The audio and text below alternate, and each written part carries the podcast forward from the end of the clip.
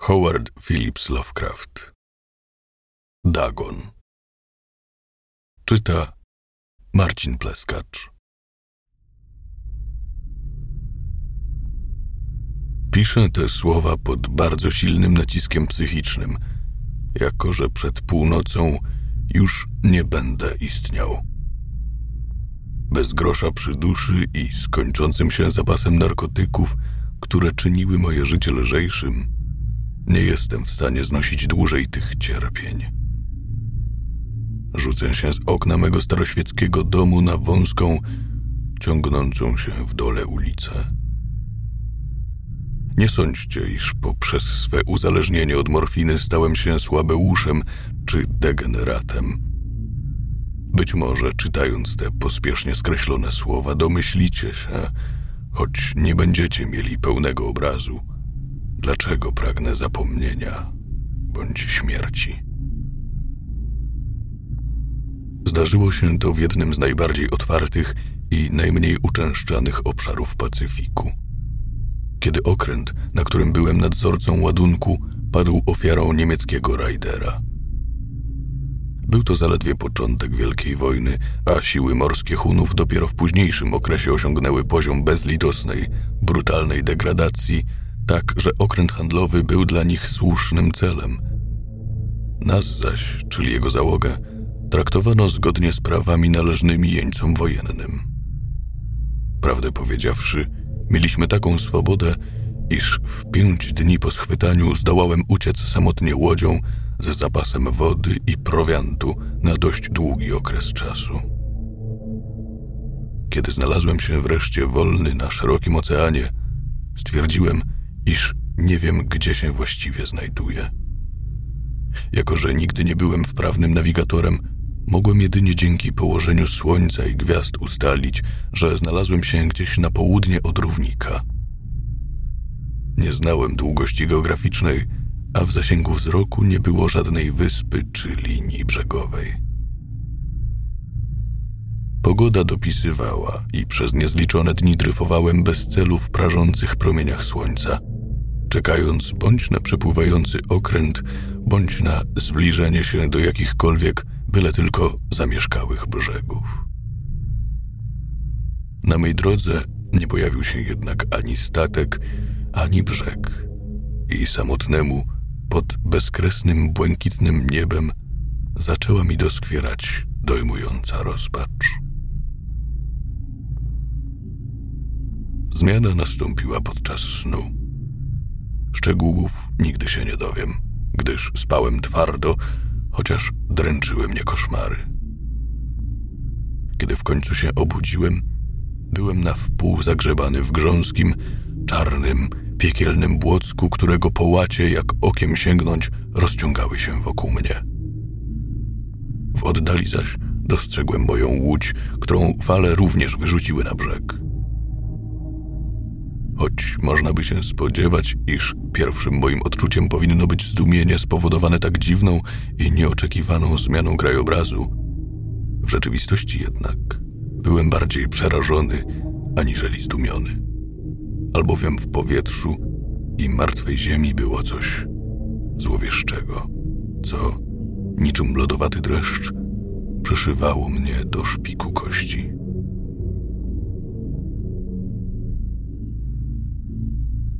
Okolice zaścielały gnijące truchła rozkładających się ryb i innych, mniej rozpoznawalnych istot, wystających z ohydnego błocka pokrywającego bezbrzeżną równinę. Być może nie powinienem się łudzić, iż uda mi się słowami wyrazić niewiarygodną wręcz zgrozę, czającą się pośród absolutnej ciszy i rozległej pustki, jaka mnie otaczała.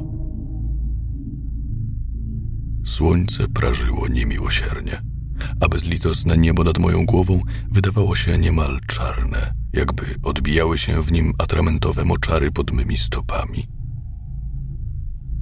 Kiedy wyczołgałem się do wyrzuconej na brzeg łodzi, uświadomiłem sobie, że tylko jedna teoria mogła wyjaśnić moje obecne położenie.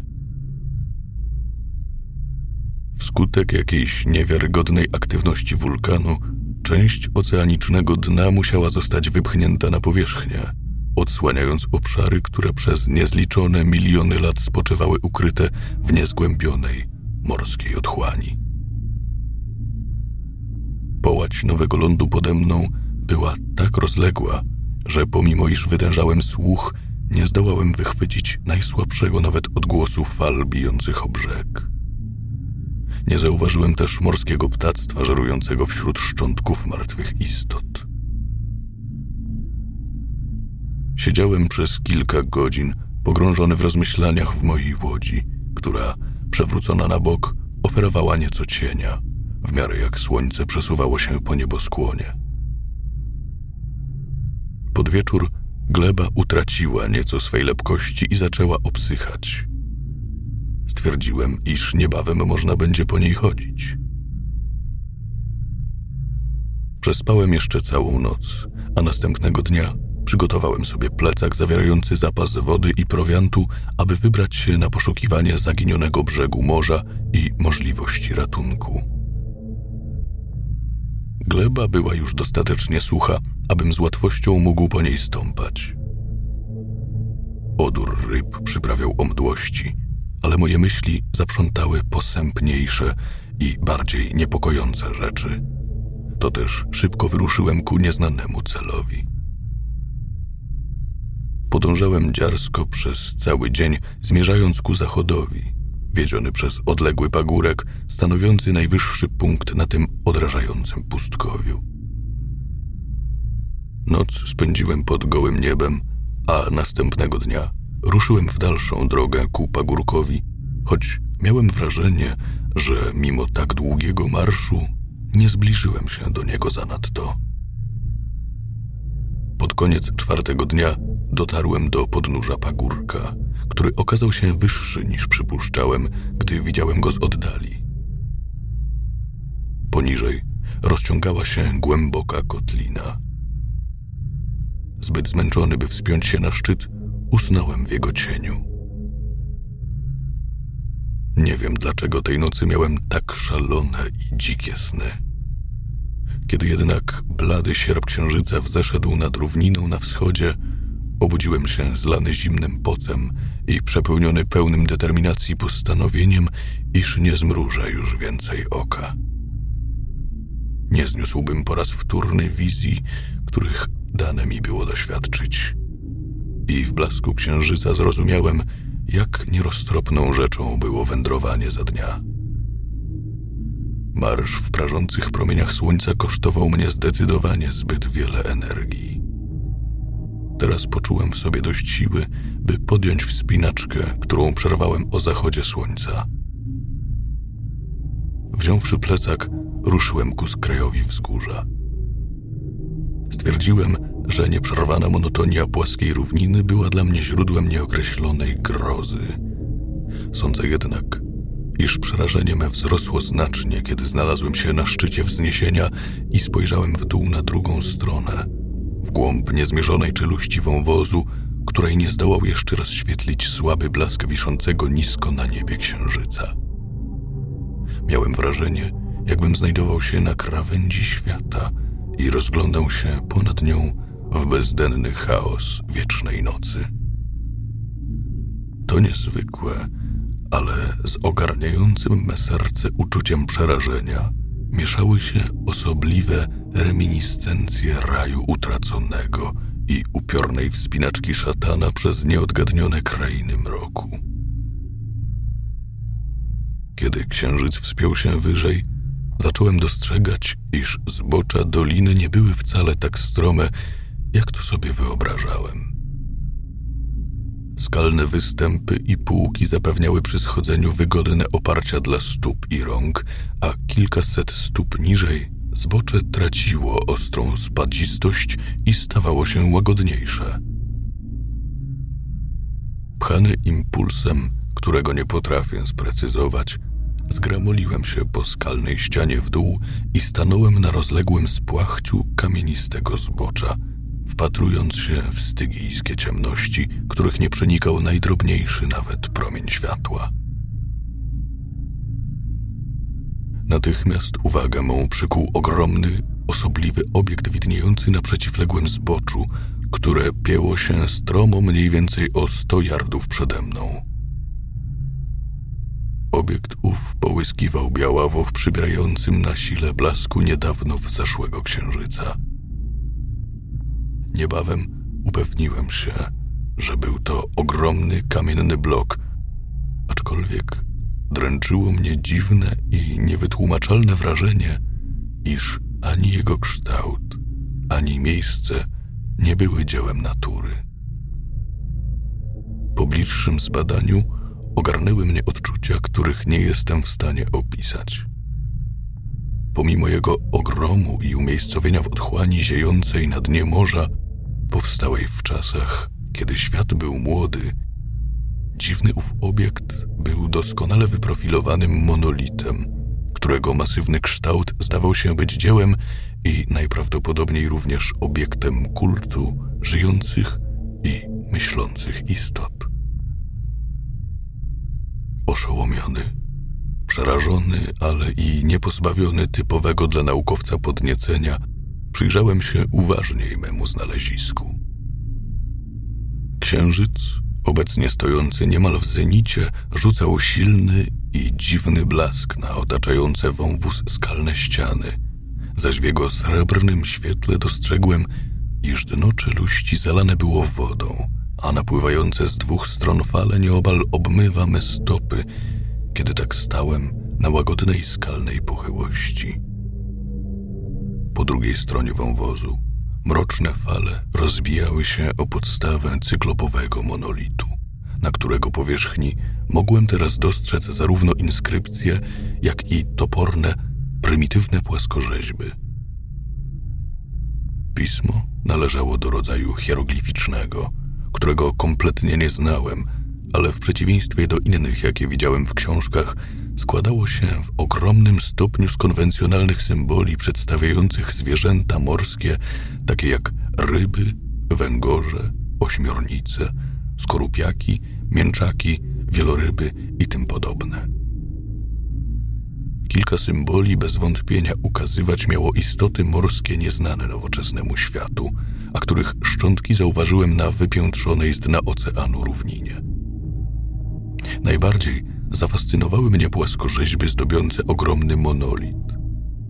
Były doskonale uwidocznione w blasku księżyca, a ich tematyka mogłaby wzbudzić zazdrość samego Gustawa Dora. Sądzę, iż miały obrazować ludzi, choć przedstawione były jako istoty bądź baraszkujące niczym ryby w wodzie wewnątrz jakiejś ogromnej morskiej groty, bądź składające cześć jakiejś monolitycznej świątyni, która również zdawała się znajdować w morskiej głębinie. O ich twarzach i kształtach nie odważa się opowiedzieć szczegółowo. Samo bowiem wspomnienie sprawia, iż tracę świadomość. Wykraczające poza możliwości wyobraźni Poego czy Bulwera, miały one, ogólnie rzecz biorąc, ludzki kształt, pomimo błon rozciągających się między palcami rąk i stóp, szokująco szerokich i obwisłych warg, szklistych, wyłupiastych oczu i innych jeszcze mniej przyjemnych szczegółów, o których można by wspomnieć. Co zatrważające, istoty te zdawały się być wyrzeźbione nieproporcjonalnie w stosunku do otaczającego je tła. Jeden ze stworów uwieczniony został w trakcie zabijania wieloryba. Waleń jednak był nieco tylko większy od niego. Moją uwagę szczególnie zwracała ich groteskowość i dziwne rozmiary. Dopiero po dłuższej chwili namysłu stwierdziłem, iż musieli to być wyimaginowani bogowie jakiegoś prymitywnego rybackiego bądź żeglarskiego plemienia szczepu, którego ostatni potomek dokonał żywota na całe ery przed przyjściem na świat człowieka z Piltdown czy Neandertalczyka.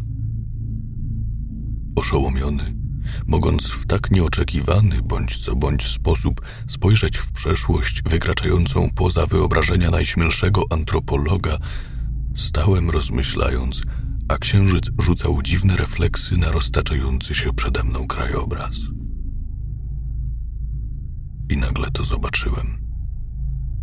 Jej pojawienie się oznajmiło jedynie kilka łagodnych kręgów na powierzchni wody, po czym istota wyłoniła się majestatycznie z mrocznych odmętów.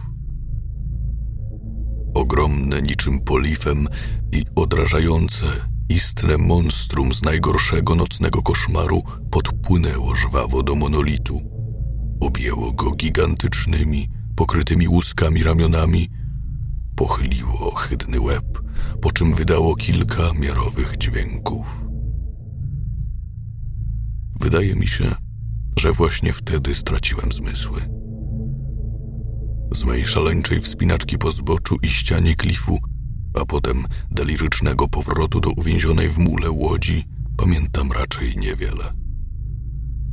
Wydaje mi się, że sporo śpiewałem, a gdy już nie mogłem, zanosiłem się dziwnym śmiechem. Jak przez mgłę przypominam sobie, że kiedy dotarłem do łodzi, rozpętała się wielka burza. Słyszałem dochodzące odgłosy gromów i inne dźwięki rozlegające się jedynie wówczas, gdy natura ma naprawdę paskudny nastrój. Kiedy wyłoniłem się z mroków niepamięci, okazało się, że znajduję się w szpitalu w Santa Fe. Sprowadził mnie tam kapitan amerykańskiego okrętu, który napotkał moją łódkę na środku oceanu. Pogrążony w delirium, sporo majaczyłem – choć nikt praktycznie nie zwracał uwagi na to, co mówiłem. Moi wybawcy nie wiedzieli nic o wypiętrzeniu wielkiej połaci dna morskiego na Pacyfiku. Ja zaś nie uważałem za stosowne, by opowiadać im o istocie, w którą najprawdopodobniej by nie uwierzyli. Po wyjściu ze szpitala Złożyłem wizytę pewnemu nader znanemu etnologowi i zaskoczyłem go zadając dziwne pytania związane z prastarą filistyńską legendą o Dagonie, bogu rybie. Kiedy jednak okazało się, iż poglądy jego są beznadziejnie konwencjonalne i że reprezentuje ona większość, zaprzestałem moich dociekań. Teraz zaś, zwłaszcza kiedy na niebie świeci blady sierp księżyca, zdarza mi się widzieć ową upiorną istotę. Próbowałem morfiny. Narkotyk dawał mi jednak tylko krótkotrwałe zapomnienie i uczynił swym bezwolnym niewolnikiem. Zamierzam to wreszcie skończyć. Uczynię to teraz, kiedy spisałem wszystko gwoli wiadomości lub pogardliwego rozbawienia moich rodaków. Często zapytuję sam siebie – to wszystko nie było Li tylko czystą iluzją, fatamorganu, majakiem wywołanym gorączką, kiedy trawiony porażeniem słonecznym i delirium leżałem na dnie małej łódeczki po mojej ucieczce z pokładu niemieckiego okrętu wojennego. Zadaję sobie raz po raz te pytania, a w odpowiedzi widzę przed oczyma ów upiorny, odrażający kształt. Nie potrafię myśleć o otwartym morzu, nie czując na plecach lodowatych ciarek, wywołanych świadomością, że właśnie w tej chwili bezimienne, nienazwane istoty mogą wpełzać i wczołgiwać się na pokryty szlamem podest, oddając cześć prastarym, kamiennym bożkom i rzeźbiąc swe ohydne podobizny na podwodnych obeliskach z nadżartego przez wodę granitu. Śnię o dniu, kiedy mogą wynurzyć się z otchłani spienionych fal, aby zatopić swe cuchnące szpony w niedobitkach zdziesiątkowanej przez wojnę ludzkości. O dniu, kiedy lądy pogrążą się w głębinach, a mroczne dno oceanów wzniesie się pośród uniwersalnego pandemonium. Koniec jest bliski. Słyszę hałas u drzwi jakby napierało na nie jakieś ogromne, śliskie cielsko. Ale to mnie nie znajdzie. Boże, ta ręka. Okno, okno!